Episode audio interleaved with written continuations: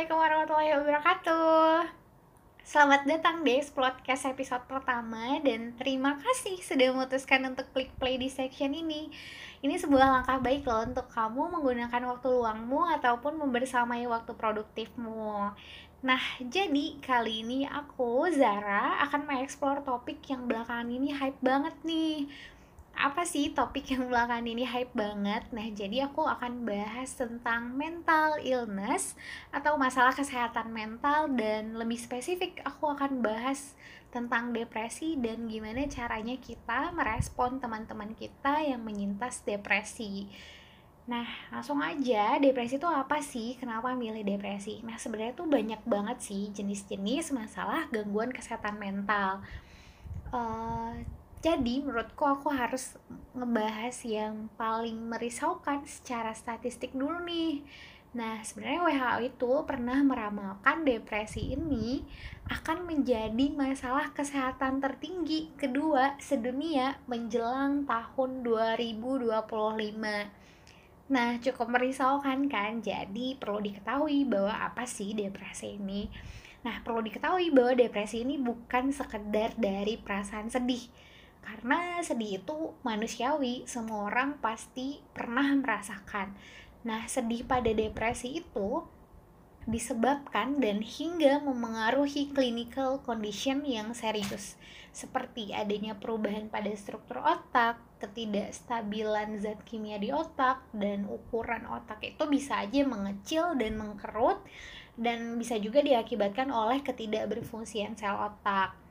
Nah, ada tiga simptom penting uh, yang terjadi pada teman-teman penyintas depresi. Pertama, adanya perasaan murung atau perasaan sedih yang berlebih selama lebih dari dua minggu. Yang kedua, hilangnya minat terhadap hal-hal yang selama ini disukai. Jadi kalau seseorang punya hobi atau punya minat yang tinggi pada suatu hobi atau pekerjaan, tiba-tiba sudah nggak punya gairah nggak punya minat untuk melakukan hal-hal itu lagi. Dan ketiga hilangnya fungsi keseharian mereka. Misalnya kalau mahasiswa udah udah nggak bisa uh, ke kampus udah mager buat ngerjain tugas bahkan nggak ngerjain tugas sama sekali dan bahkan menghindari topik-topik atau obrolan tentang kuliah seperti itu. Dan biasanya ketiga simptom ini diikuti oleh perasaan keputusasaan atau perasaan putus asa nah jika tiga simptom ini muncul, ini udah menandakan masalah kesehatan mental yang serius, yaitu depresi. Nah, perlu diketahui juga bahwa depresi ini bukan sekedar dari lemah iman. Sering banget dong teman-teman dengar bahwa uh, ada nih yang komen, gak tahu siapa, anonim, komen. Uh, lebih seringnya teman-teman pasti sering ketemu di media sosial atau di lingkungan juga banyak terjadi ya. Nah, banyak banget yang bilang uh, ketika uh, seseorang menunjukkan simptom depresi, ada aja yang komen bahwa ah lu kurang sholat kali, kurang inget Tuhan, kurang zikir, kurang mendekatkan diri ke Tuhan dan segala macamnya. Nah sebenarnya uh, kita perlu kenali dulu nih sebenarnya mental illness ini apa. Jadi pertama-tama kita pakai dulu analogi yang menyatakan bahwa mental health itu sama dengan physical health. Jadi masalah kesehatan mental itu sama aja dengan uh, kesehatan fisik, pentingnya kesehatan fisik. Artinya mental illness sama dengan physical illness atau yang biasa kita kenal dengan disease atau penyakit. Sama aja cuma konteksnya berbeda. Jadi kalau disease atau physical illness itu terjadi akibat sesuatu kan dan juga menyebabkan perubahan pada sesuatu dan juga bisa diobati dengan sesuatu. Maka begitu juga dengan mental illness sama aja. Kalau misalnya nih cancer, cancer itu kan terjadi akibat sesuatu dan menyebabkan perubahan pada sesuatu juga pada tubuh seseorang dan bisa diobati dengan sesuatu entah itu medication, entah itu treatment tertentu gitu kan. Nah, sama halnya dengan depresi. Depresi itu juga diakibatkan oleh sesuatu menyebabkan pada per, pada perubahan sesuatu entah itu pikiran atau perilaku dan juga bisa diobati dengan sesuatu. Sama bisa diobati dengan medication dan juga bisa diobati dengan treatment atau self help juga bisa atau kombinasi dari ketiganya. Begitu nah kalau salah satu teman kita adalah seorang penyintas kanker baru aja didiagnosis kanker uh, apa sih yang bisa biasa kita lakukan terhadap uh, teman kita yang terkena kanker ini? Apakah kita bilang kalau dia terkena kanker karena lemah iman? Enggak kan? Kita biasanya nggak bilang gitu. Kita nggak bilang tuh mereka kena kanker karena kurang zikir atau kurang uh, mengingat Tuhan. Kalau bener ya pasti banyak banget dong orang yang kena kanker di dunia ini lalu apa sih yang biasanya kita lakukan apabila ada salah satu teman kita diagnosis terkena kanker? Yap, kita bawa dia berobat pada ahlinya. Kita tawarkan, kita saranin nih rumah sakit mana, dokter mana yang bagus untuk merawat penyintas kanker. So, seharusnya kita bisa juga lakukan hal yang sama untuk mereka, teman-teman kita yang menyintas mental illness sangat betul bahwa agama merupakan faktor penting dalam isu kesehatan mental, tapi bukan sebagai obat, apalagi the only one obat. Bukan, bukan gitu ya. Yuk, pakai lagi analogi persamaan mental illness dengan physical illness tadi. Kalau salah satu teman kita lagi struggling dengan penyakitnya nih, meningkatnya keimanan dengan mengingat Tuhan, tetap sembahyang dan zikir, itu memang sangat membantu mereka membantu mereka untuk menjadi kuat, untuk bertahan menjalani pengobatan, dan untuk tetap bisa yakin bahwa dia pasti akan sembuh. Tapi mereka tetap harus kemoterapi dan konsumsi obat-obatan kan? Nah, begitu juga dengan penyintas depresi. Agama atau faktor agama dan keimanan ini menjadi faktor penting terutama bagi masyarakat Indonesia yang hampir seluruh penduduknya ini memeluk sebuah agama atau kepercayaan. Jadi, sangat-sangat bisa diterapkan e, menjadikan agama sebagai sumber kekuatan untuk tetap menjadi kuat. Nah, selain untuk tetap menjadi kuat, agama ini juga bisa e, menjadikan seseorang untuk bertahan menjalani pengobatan, untuk tetap bisa yakin bahwa dia akan sembuh, tapi mereka tetap harus mencari profesional help. Begitu. Nah, jauh sebelum ilmuwan psikologi dan psikiatri menawarkan pengobatan dan perawatan untuk penyintas mental illness, uh, setauku Al-Quran sudah mengajarkan kita untuk mencari pertolongan dan tidak menjebak diri sendiri dalam keadaan sakit. Jadi agama pun nggak membiarkan kita terjebak dalam keadaan sakit. Jadi kita harus segera cari pertolongan untuk uh, menghilangkan perasaan sakit ataupun perasaan gak nyaman itu. Aku juga punya cerita sebenarnya yang bisa memperkuat uh, pendapat bahwa keimanan bukan satu-satunya faktor yang akan menyelamatkan kita dari masalah kesehatan mental. Jadi, aku mengenal seseorang yang didiagnosis major depression oleh profesional tentunya dan saat ini ia masih visit kedua tenaga profesional yaitu ke psikolog dan psikiater. Nah, dia ini orang yang rajin mendalami ilmu agama dan orang-orang atau hampir semua orang yang mengenal dia menilai ia sebagai orang yang terus berbuat kebaikan lah pokoknya sangat rajin membaca dan menghafal Al-Quran dan kita bisa katakanlah bahwa orang ini religius dan mencerminkan individu dengan keimanan yang baik. Namun, uh, walaupun dia begitu, tetap ada peluang ia terkena masalah kesehatan mental. Nah, sebenarnya berkat hal positif tadi seperti uh, rajin mendalami ilmu agama, rajin membaca dan menghafal Al-Quran ya intinya uh, rajin dan sering mendekatkan diri dengan Tuhan ya. Nah berkat hal-hal itu dia itu percaya bahwa ia akan sembuh dengan kesabaran dalam menjalani pengobatan dan dengan kepercayaan yang besar terhadap kasih sayang Tuhannya, ia yakin ia bakal sembuh dengan usaha doa dan tawakal gitu deh. Nah sekarang kondisinya udah jauh lebih baik, udah lebih baik banget dari pertama kali didiagnosis.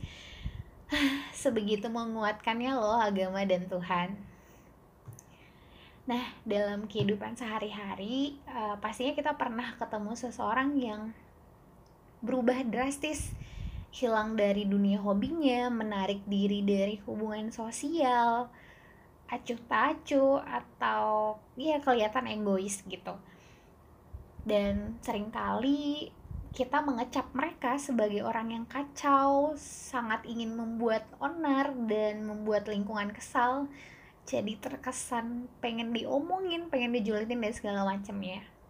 Nah, saat itulah terjadi negatif social perception. Padahal sebenarnya mereka punya alasan kenapa mereka berperilaku seperti itu.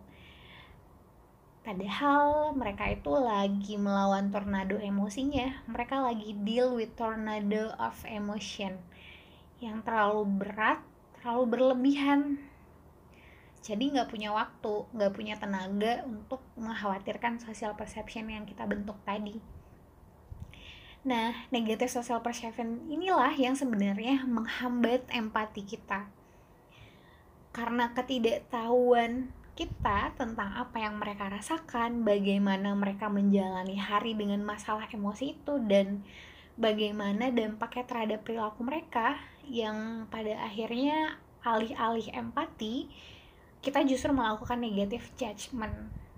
Nah, sebenarnya cara paling dasar tapi merupakan cara yang paling penting adalah kemauan kita untuk belajar memahami.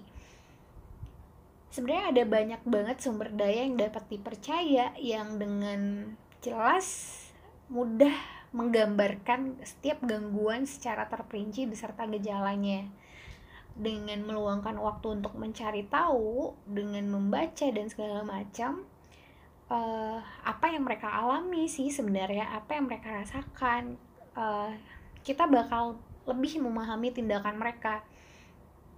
Dan nggak akan ada pemahaman tanpa adanya kemauan untuk belajar. Dan itu membutuhkan kerendahan hati yang besar. Lalu apa sih yang harus kita lakukan untuk orang-orang yang sedang struggling dengan mental illness?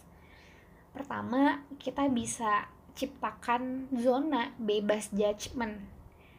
Kita cuma perlu ada di sana untuk dia mendengarkan ia berbicara, uh, listen attentively, dan biarkan mereka merasakan, meluapkan negative feeling selama dia berbicara dengan kita dan perlu diketahui jangan ucapkan hal-hal semacam aku pun dulu pernah begitu bla bla bla bla. Dan kalimat-kalimat semacam kayak gini loh.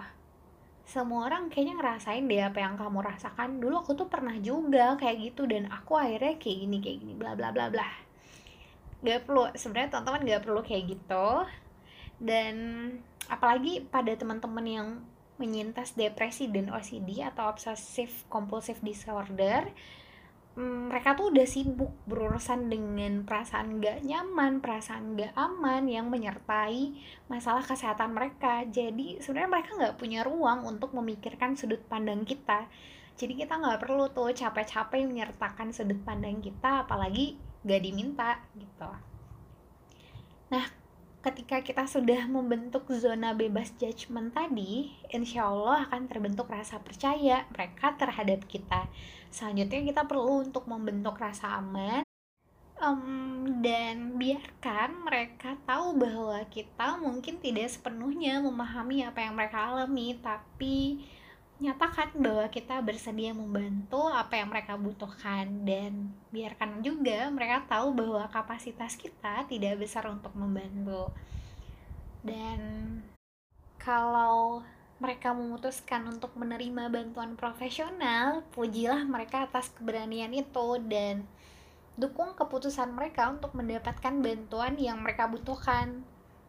Hmm, jika kamu memiliki teman, kekasih, atau anggota keluarga yang berurusan dengan masalah kesehatan mental, rayakanlah hal-hal kecil, akui setiap prestasi mereka, bahkan jika mereka bangun tidur di pagi hari. Motivasi-motivasi kayak gitu sebenarnya akan mendorong mereka untuk berusaha mencapai kebahagiaan-kebahagiaan kecil di setiap harinya nyatakan betapa bangganya kita terhadap kemajuan mereka secara sosial, emosional, dan profesional. karena kita itu sebenarnya hanya dituntut sebagai teman atau good supporter bukan jadi profesional bukan jadi seorang konselor psikolog ataupun psikiatris